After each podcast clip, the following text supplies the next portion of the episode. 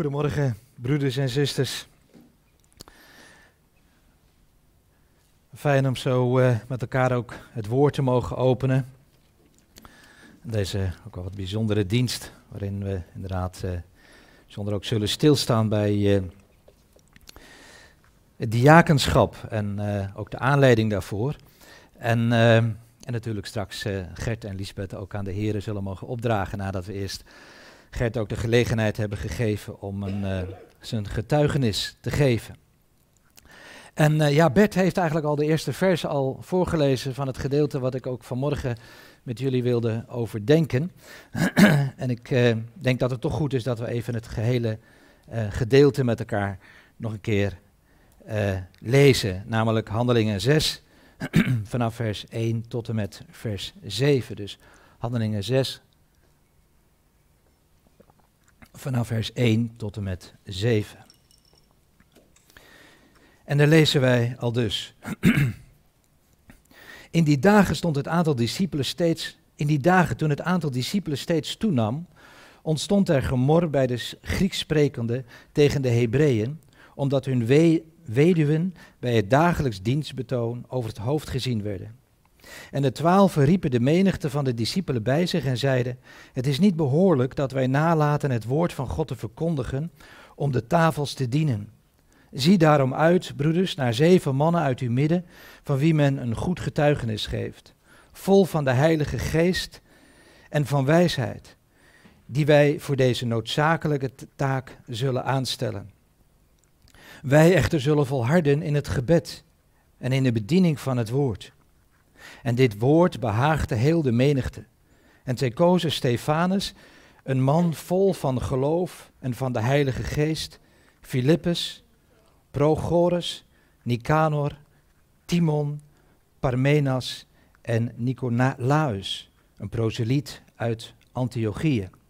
Zij leidden hen voor de apostelen en die legden hun, nadat zij gebeden hadden, de handen op.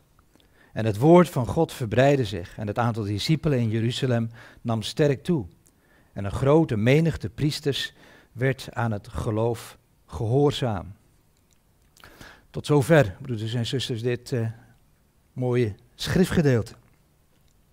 Ja, het is eigenlijk altijd weer goed als je uh, de evangeliën en ook uh, het boek Handelingen bestudeert, dat je eigenlijk ook oog hebt voor de historische ontwikkeling, hè, waarin Gods heilsplan zich uh, ontvouwt. Ik denk dat dat ook belangrijk is, uh, in de zin dat we ons ook beter een begrip kunnen vormen uh, van de enorme omschakeling die dat voor het Joodse mensen eigenlijk geweest moest zijn toen die schaduwbeelden van het Oude Testament in de komst van de Heer Jezus Christus en zijn verlossingswerk eigenlijk volkomen werden vervuld. Eh, de evangelist Johannes, hij, hij bepaalt ons al in het begin van zijn evangelie bij dat kantelpunt, hè, als hij zegt in Johannes 1, vers 17, want de wet is door Mozes gegeven, maar de genade en de waarheid zijn er door Jezus Christus gekomen. In hem vindt eigenlijk die, die hele wet van Mozes en, en die hele, uh, ja, die hele schaduwdienst zijn vervulling. En dat blijkt ook wel als je dan ook verder in Johannes 1 ook leest hè, wat Johannes de Doper zegt als, als dan de Heer Jezus hem nadert. Hè, dan zegt hij, zie het lam van God dat de zonde van de wereld wegneemt. Dat was onder het oude verbond eigenlijk eh, onbestaanbaar. De offerdienst die in de tempel hè, plaatsvond, die, die werd eigenlijk ononderbroken moest dat voortgang vinden. Voortdurend moesten daar offers gebracht worden. En we weten dat die offers die gebracht werden, dat bloed van, van die dieren, eh, wel tijdelijk de zonde konden bedekken, maar, maar nooit die zonde volledig konden wegnemen. En daarom ja, moet dat een geweldige impact gehad hebben als, als Johannes die woorden spreekt. Zie het lam Gods, het ware lam van God, dat inderdaad in staat is door zijn dood en opstanding die, uh, ja, die, die, die zonde volkomen weg te nemen, volkomen vergeving uh, te schenken. Een geweldige uh, gebeurtenis. En daarmee was, zou je kunnen zeggen, eigenlijk ook de cruciale functie van de tempel als, als religieus centrum. En met al zijn bedieningen, al zijn verantwoordelijkheden. Het is een enorme gigant, enorme uh, organisatie geweest. Hè, als, je, als je daar wat meer in verdiept, in, in die hele tempeldienst. Dat hij daarmee eigenlijk ten einde was gekomen. En, en het is ook schitterend om te zien hoe de Heer Jezus, of de Heere God ook eigenlijk heel krachtig daar getuigenis van heeft gegeven. Dat op het moment dat de Heer Jezus stierf, hè, dat, dat dat voorhangsel in die tempel van boven naar beneden scheurde. Een bijzonder wonder van God. Hè, wat daar plaatsvond, maar waarin eigenlijk de Heer ook heel duidelijk ook aangaf dat dat heiligdom ja, vanaf dat moment eigenlijk open lag. En daarmee dus die, die functie van, van die tempel ten einde was gekomen. Zo prachtig als je ook leest hoe de, hoe de, hoe de Hebreeënbrief daar eigenlijk ook allerlei ja, informatie ook weer aan toevoegt. Hè. En, en ook laat zien hoe, hè, bijvoorbeeld Hebreeën 10, hoe, hoe wij ook toegang mogen hebben tot dat heiligdom. Ik citeer even Hebreeën 10 vanaf vers 19, waar de apostel dan schrijft, omdat wij nu broeders vrijmoedigheid hebben om in te gaan in het heiligdom door het bloed van Jezus. Langs een nieuwe levendige weg die hij voor ons heeft ingewijd door het voorhangsel, daar heb je weer het voorhangsel, dat is door zijn vlees. En omdat wij een grote priester hebben over het huis van God. Laten wij tot hem naderen met een waarachtig hart, in volle zekerheid van het geloof. Je ziet dat, dat die schaduwbeelden van, van die aardse tempel een vervulling hebben gekregen in die hemelse werkelijkheid in Christus.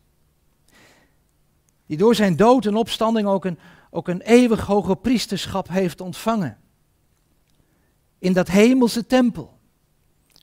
En ook zo bijzonder dat, dat hij in dat hemelse heiligdom dan ook niet alleen, ja, vind ik, eh, daar ook als, als, als hoge priester mag functioneren, maar dat hij daar is eh, als een hoge priester naar de ordening van Melchizedek.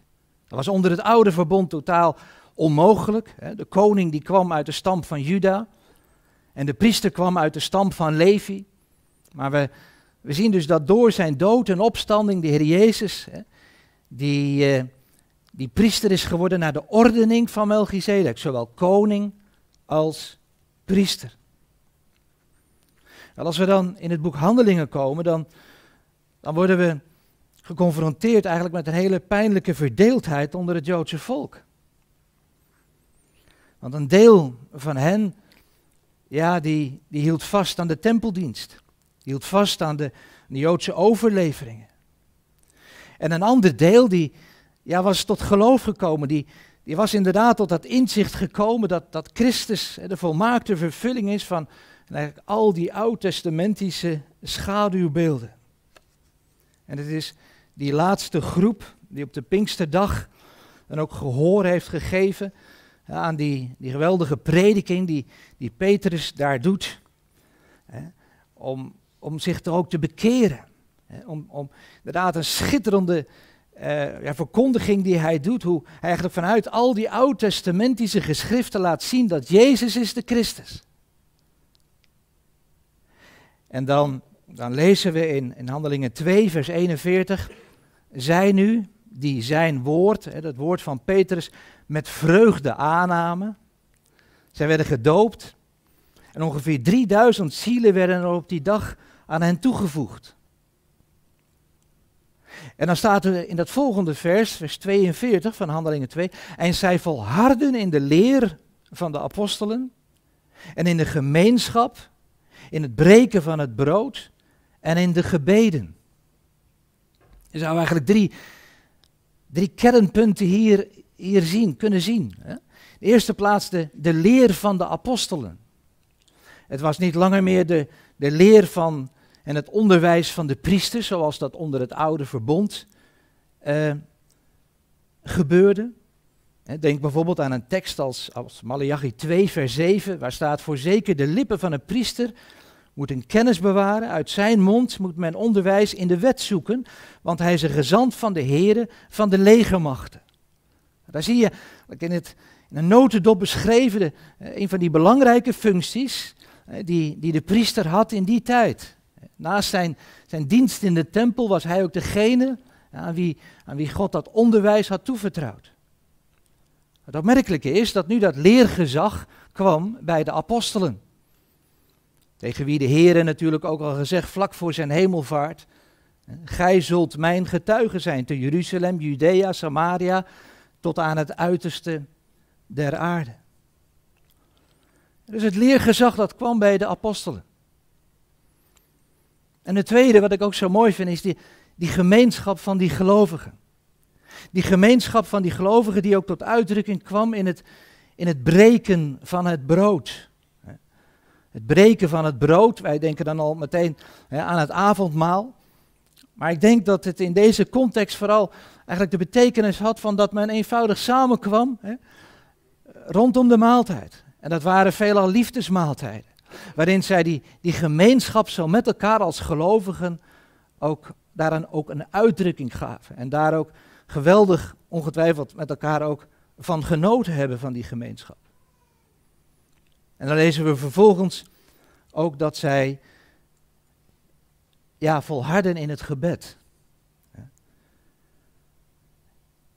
Want, want weet je, als je dit zo leest, dan, dan, dan zie je eigenlijk dat, dat dat volharden ja ook iets was wat Gods geest ook uitwerkte in hun harten en, en levens. Het was niet iets dat, uh, ja, waartoe de apostelen hè, een, een, bevel hadden uitgevaardigd dat het, dat het zo moest gebeuren. Nee, zo gebeurde dat eenvoudig door de werking van, van Gods geest. En dat, uh, als je dan verder leest in, in het boek Handelingen, dan zie je dat dat die eerste gelovigen ook onder een enorme zware druk hebben geleefd. Een zware repressie. Denk aan, uh, aan Johannes en Petrus, die, die door de Joodse raad werden ondervraagd, werden geïntimideerd, werden gevangen gezet. Een heel bijzonder wonder van God, hè? worden zij bevrijd door een engel uit die gevangenis.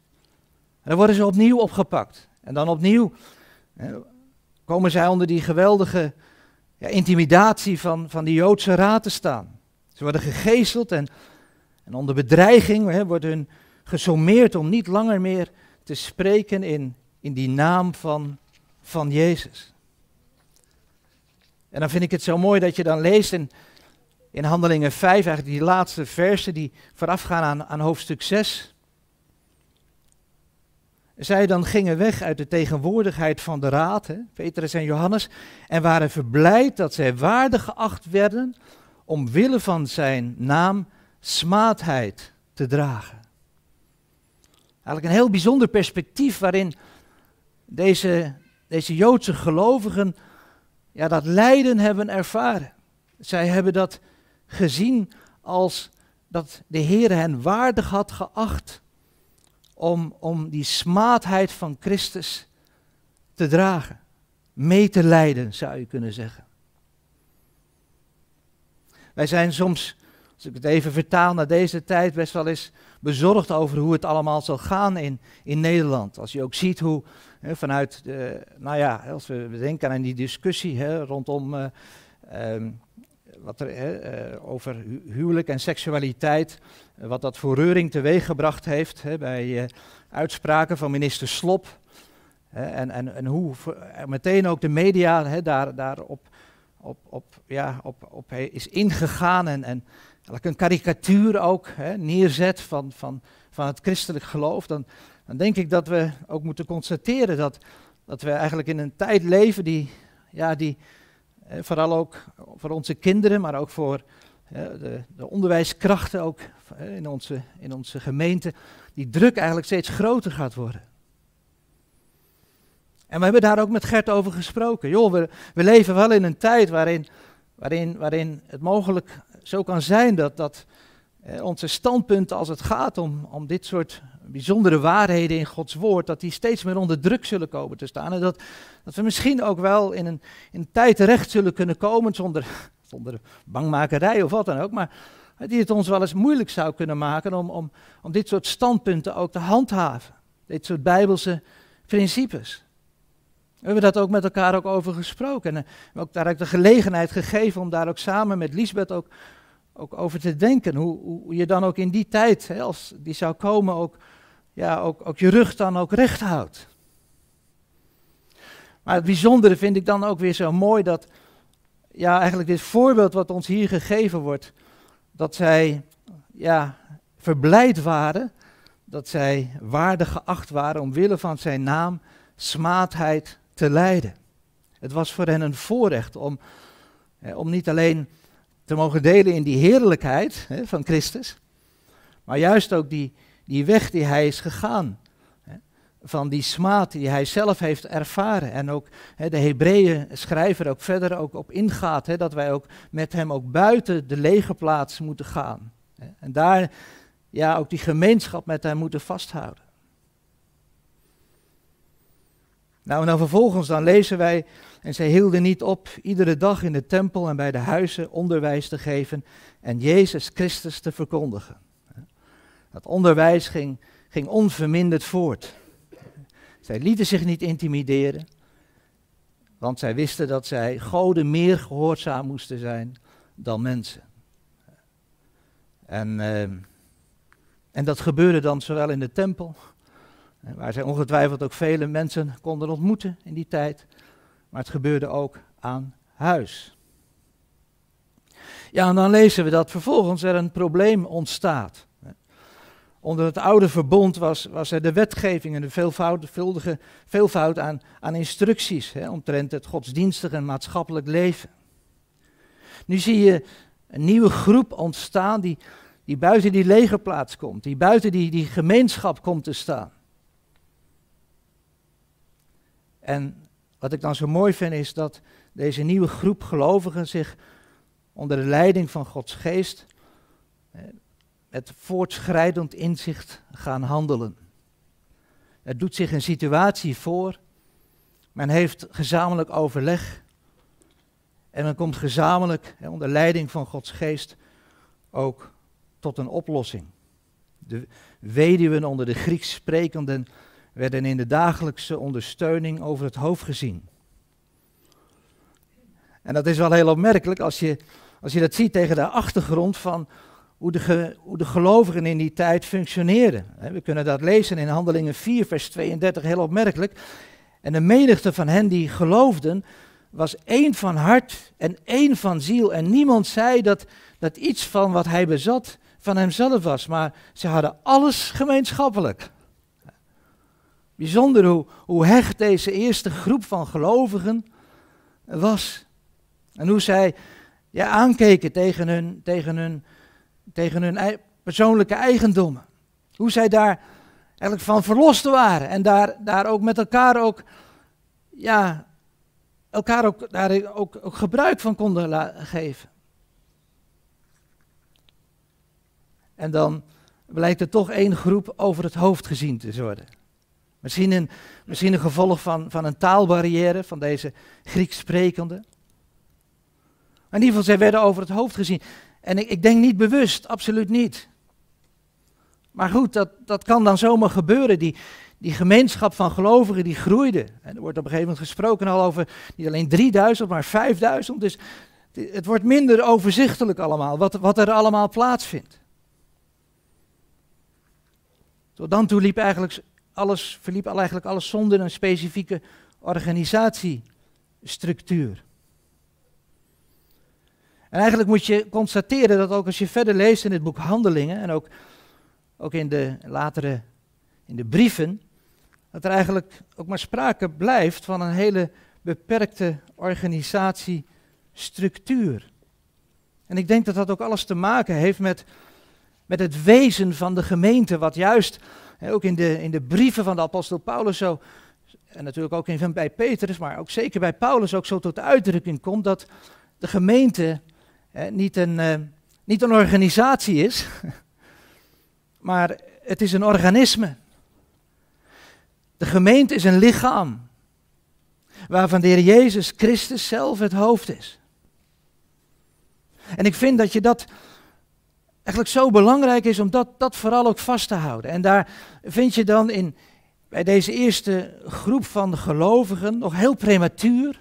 Want ik denk dat dat, dat beeld van, van dat lichaam van Christus, waarvan de Heer Jezus het hoofd is, dat dat eigenlijk iets is wat, wat, wat, ja, wat door de heilsontwikkeling zo verder is, is geopenbaard geworden. Maar eigenlijk zie je die, die beginselen eigenlijk al, al terug bij deze eerste gelovigen. Ik zei het al, eh, het feit dat zij op elkaar toezagen, het feit dat, zij, dat zij trouw bleven in het onderwijs van die apostelen, dat zij trouw bleven in de, in de gemeenschap rondom die, die liefdesmaaltijden, in die, in die maaltijden, dat zij daarin volharden. Dat was niet om, omdat, omdat de apostelen daarover instructies over hadden uitgevaardigd van zo en zo moet je het doen. Hè? Maar het was het verlangen van hun hart. Het was Gods geest die, die werkzaam was in deze, in deze primair, in de eerste plaats Joodse gelovigen. Later zijn er natuurlijk ook, ook uit de heidenen ook aan toegevoegd. Maar het mooie is dat, dat de Heer dat, dat heeft uitgewerkt. En ik zou eigenlijk ook vanmorgen ook dat puntje volharden nog eens willen, willen onderstrepen. Want dat was het kenmerk van deze, van deze gelovigen, dat zij bleven volharden in deze dingen. Ik ervaar in mijn eigen leven, en ik denk dat we dat ook als, als gemeente, ook, ook, ook, ook in alle eerlijkheid, ook naar elkaar toe ook mogen zeggen, dat het soms makkelijk is om iets op te starten hè, met, goede, met goede bedoelingen en met, met, met, met, een, met een goede intenties. Maar de vraag is, volharden we er ook in? Zetten we dat ook door? Blijven we ook trouw? In datgene wat, ja, wat God ons ook leert om als gemeenschap, hè, eh, als organisme ook, ook met elkaar ook, ook, ook in de praktijk te brengen. Ik denk dat dat zo geweldig essentieel is. En dan, dan zien wij dat, dat als dit probleem zich voordoet, de apostelen niet zeggen van nou ja, weet je, dat, dat pakken wij er wel even bij. Ik herken me dat soms in mijn eigen leven, dat je, dat je eigenlijk graag overal voor beschikbaar wil zijn en, en komt er iets op je af, zeg je nou joh, dat doe ik wel of, of wat dan ook. Nee, zij, zij zeggen heel uitdrukkelijk in vers 2: Het is niet behoorlijk dat wij nalaten het woord van God te verkondigen om de tafels te dienen. Um, zij zien dus dat, dat er een keus gemaakt moet worden. Je kan niet alles. Het is ofwel het een ofwel het ander. Als je het ene goed wil doen, zou je het ander moeten laten. En zij zijn zich ervan bewust dat zij vooral waren aangesteld door de Heer zelf. Om inderdaad dat, dat woord te verkondigen. En dat mocht niet nagelaten worden. Daar mocht niet, er mocht niet mee gesjoemeld worden, om zo maar te zeggen. Dat was hun primaire opdracht. En denk dat het ook wel, wel goed is om daarin ook een geestelijke les te leren. Wat is je, jouw opdracht? Wat is de weg die God in jouw leven gaat? Wat is de verantwoordelijkheid die jou, Hij jou heeft, heeft toevertrouwd? Om daarin trouw te blijven. Om daarin inderdaad soms ook keuzes te moeten maken, die misschien door anderen niet begrepen worden, maar goed. Hoe dan ook. We zien dus dat zij dan komen met de gedachte, vers 3, hè, zie daarom uit, broeders, naar zeven mannen uit uw midden, van wie men een goed getuigenis geeft, vol van de Heilige Geest en van de wijsheid, die wij voor deze noodzakelijke taak zullen aanstellen. Het was een noodzakelijke taak, dat was inmiddels wel duidelijk. En weet je wat ik zo mooi vind? Dat eigenlijk meteen als deze oproep uitgaat, dat we moeten constateren dat de Heer het eigenlijk al had voorbereid. Want die zeven mannen, die waren er al. En die voldeden eigenlijk al aan dat criterium van een goed getuigenis vol van de Heilige Geest en van waarheid. Ze hoefden alleen nog maar aangewezen te worden. Ze waren er al. Zie je het werk van God? Je zou er zo makkelijk over, over, overheen lezen. Maar in feite, zoals we ook, ook in de Daba-brief ook hebben gezet, als we vanmorgen ook, ook ook, ook eh, Gert mogen bevestigen en ook aan de Heer mogen opdragen, dan, dan bevestigen we in feite niets anders dan, dan datgene wat, wat de Heer al gedaan heeft, heeft uitgewerkt in het hart en leven van Gert en natuurlijk ook van Lisbeth. Het is zo mooi dat Paulus ook zegt in Filippenzen 2 vers 13, het is, het is God die in u werkt. En zowel het willen als het werken naar zijn welbehagen. Nou, in de gesprekken die we zo ook met Gert hebben gehad, kwam dat ook, naar, ook, ook, ook tot uitdrukking. Dat willen, dat was er. Dat, die wens die was er om, om dienstbaar te zijn in, in de gemeente. En hij heeft nou ja, op vele terreinen, hoef ik nou niet over te spreken, maar dat is allemaal wel bekend. Eh, ook op vele terreinen ook zijn, zijn, ja, zijn steentje mogen, mogen bijdragen. En dan, dan, dan zegt de, de apostelen, wij echter zullen volharden. Daar heb je weer het woord volharden. Volharden in het gebed en in de bediening van het woord. Weet je, laten we maar heel eerlijk zijn. Ik weet niet hoe dit bij jullie is, maar in mijn leven vind ik het, vind ik, vind ik het gebed best wel iets wat, ja, wat je dagelijks mag doen. En ja, mag zeggen, ik heb een hele lijst van, van namen van mensen die ik, ik dagelijks bij de Heere God mag brengen. We doen dat ook samen natuurlijk, Gerda en ik. En je moet er wel in volharden. Er zijn eigenlijk zo vaak omstandigheden waarvan je zegt, nou ja, nu maar even niet. Of nu maar even niet die Bijbel openslaan. Of nu maar even, weet je. En ik kan me zo voorstellen dat, dat de situatie waar ik nu verkeer als inmiddels eh, gepensioneerd, dat, ja, dat dat natuurlijk veel, vele malen makkelijker ligt als, als dat je nog een jong gezin hebt en, eh, en allerlei verantwoordelijkheden hebt in de samenleving en, en noem maar op. En toch is het denk ik zo belangrijk, dat woordje volharden, wat we hier eigenlijk telkens weer tegenkomen. Volharden in datgene wat de Heer ons heeft toevertrouwd. Wat de Heer ja, ons wil leren vanuit zijn woord. Ja, dan, dan blijkt ook gaandeweg, ik had het net al over die heilshistorische ontwikkeling, ook als je verder leest in, in de brieven, in het onderwijs aan de gemeenten, en ook het persoonlijk onderwijs, aan Timotheus bijvoorbeeld, dat, dat inderdaad die, die, die, die oudsten en die diakenen ook een, ook een bijzondere verantwoordelijkheid van de Heer ook uh, krijgen, toevertrouwd. Onder andere in 1 Timotheus 3, daar, daar, wordt een duidelijke profielschets ook weer gegeven van, van zowel oudsten als diakenen. Titus, die, uh, die door Paulus in Kreta wordt, wordt achtergelaten om daar ook uh, van stad tot stad ook oudsten ook aan te stellen. Was kennelijk ook belangrijk dat er ook toegezien werd op de leer, want je leest daar ook dat dat er op Kreta ook heel veel valse leraren waren. Allerlei wind van leer. Waar het zo van belangrijk was dat daar ook op werd toegezien. En ook oudsten werden aangesteld. En opvallend ook is dat je ook leest hè, in de brief van de apostel Paulus aan de Filippenzen, dat hij dan zijn brief wendt. In die eerste vers kun je dat lezen. Tot al de heiligen in Christus Jezus die in Filippi zijn, in Filippi zijn met de opzieners en diakenen. Ze worden daar ook speciaal ook genoemd. Zij maken deel uit hè, van die hele gemeente en tegelijkertijd ook een onderscheiden verantwoordelijkheid. En Paulus dan ook daar naar verwijst. Het is goed dus om om te zien dat er een beperkte organisatiestructuur ontstaat in dat lichaam van Christus. Maar dat dat wel voortdurend, en ik denk dat we dat ook van begin af aan ook, ook steeds hebben willen benadrukken, dat, ja, dat God dat zelf uitwerkt. En niet alleen, we hebben het nou vanmorgen dan bijzonder hè, over het diakenschap en over het oudsterschap komt af en toe even voorbij. Maar ik denk ook, hè, als je ook leest in Romeinen 12 bijvoorbeeld, dat er ook, ook gaven zijn gegeven ook aan, aan, aan de gemeenteleden. Heel eenvoudig, dienstbetoon, onderwijs, bemoedigen, je over de anderen ontfermen. Er wordt ook gesproken hè, in de e-, brieven over evangelisten, herders en leraars. God die zelf eigenlijk zo'n gemeente wil, wil toerusten met, met al die verschillende verantwoordelijkheden, met al die verschillende gaven. En dan, dan zou je eigenlijk als kern kunnen zeggen in Efeze 4, vers 15 en 16, vind ik het zo mooi, zoals de apostel dat beschrijft, dat wij door ons in liefde aan de waarheid te houden, mooi dat liefde en waarheid nooit op gespannen voet staan hè, in de Bijbel. Door ons in liefde aan de waarheid te houden, in alles zouden groeien naar Hem die het hoofd is.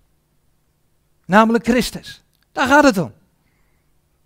Het gaat niet om de gemeente aan zich. Het gaat erom dat we met elkaar groeien naar het hoofd. De Jezus Christus. En dan staat er in vers 16 van Efeze 4, je kan meelezen, van hem uit wordt het hele lichaam samengevoegd en bijeengehouden. Hij doet dat. Door elke band die ondersteuning geeft, overeenkomstig de mate waarin ieder deel werkzaam is. Is dat niet mooi? Ieder deel is werkzaam. Denk niet van, nou ja, weet je, voor mij is dat niet weggelegd of wat dan ook. Zijn zo gauw geneigd om, als christenen, eh, als het ware, dat, dat gemeente zijn te ervaren vanaf de tribune. Nou, ik denk dat dat bij ons nog wel meevalt, maar, maar je bent onderdeel daarvan. God wil jou inzetten. Hij wil jou gebruiken. De plaats waar hij jou gesteld heeft, waar hij u gesteld heeft. En dan staat er zo verkrijgt het lichaam zijn groeit tot opbouw van zichzelf in de liefde. Weer opnieuw de liefde. Waarheid en liefde. Laten we maar heel eerlijk zijn. We zijn soms zo, uh, zo, zo, zo gefocust op ons persoonlijk geestelijk leven. En, en ja, inderdaad, tegenwoordig kunnen we ook heel wat, uh, ja, wat, wat, wat, wat voeding krijgen, ook van, hè, vanuit het internet en alles. En nou, dat is, dat is mooi, dat is prachtig. ja. Maar weet je, het gevaar is wel dat je eigenlijk zo gefocust bent op jouw leven, op jouw inzicht, op jouw kennis, op jouw groei. Terwijl de Heer juist laat zien dat Hij ons als een, als, als een gemeente, als, als een lichaam van Christus heeft samengebracht. Om ook inderdaad ook toe te zien op elkaar, elkaar te dienen in de liefde, verder te helpen in het geloof, tijd te nemen voor elkaar en om elkaar heen te staan als, het, als er moeilijke momenten zijn. Nou, ik moet afsluiten, maar het is nog wel goed om even te noemen dat, dat voortschrijdend inzicht. Hè. Um, nou, de Bijbelgemeente Daber ik heb nog even de statuten erbij gehaald. Is uh, opgericht in uh, eh, 5 september 1994. Uh, dat is inmiddels alweer 26 jaar geleden. Voor die tijd waren we een groep, klein groepje van gelovigen die samenkwamen de, door de weeks bijbelstudies. Later kwamen we samen op zondagmiddag. Een aantal van, van de broeders die, die, die spraken ook in verschillende gemeenten. We doen dat nog steeds. dat is wel leuk trouwens. Denk eventjes aan, aan, aan uh, Rens die op dit moment uh, in Horen spreekt. Uh, nou, mooi hè, dat, dat je ook als gemeente ook daarin, hè, ik denk aan Bastin en vele anderen, hè, die daarin ook, ook, ook een dienst ook buiten de gemeente mogen, mogen, mogen verrichten. En toen na verloop van tijd, toen zijn we op zondagochtend bijeengekomen. Toen hebben we toch een bepaalde structuur moeten zoeken. Er is een, een stichting moeten opgericht worden om, om ook hè, de financiën te beheren. Maar weet je, we, hadden, we hebben nooit van tevoren een bepaald beleidsplan gehad waarvan we zeggen, nou zo moet het nu gaan. Zo, weet je, over, over, over zoveel jaar, hè, zoals dat uh, vandaag aan de dag natuurlijk heel gebruikelijk is, hè, moeten, we, moeten we daar uitkomen. Nee, we hebben eigenlijk steeds de Heer gevraagd om, om, om zijn leiding te geven, om, om daar, daar vorm aan te geven zoals hij dat bedoeld heeft. En, en zo zijn we dan, ja, vandaag gekomen op het moment dat we ja, ook Rens, ach, eh, ook uh, Gert ook mogen opdragen aan de Heer. Heel bijzonder. En ik moest zo denken aan die tekst, hè, wat Paulus zegt in 1 Korinthe 14, vers 40. Laat aan alle dingen op de gepaste wijze en in goede orde gebeuren. Nou, daarvoor is inderdaad de broederraad. Niet, niet, om te, niet om te heersen of wat dan ook, maar om, om gewoon steun te geven en bepaalde organisatorische dingen met elkaar door te spreken.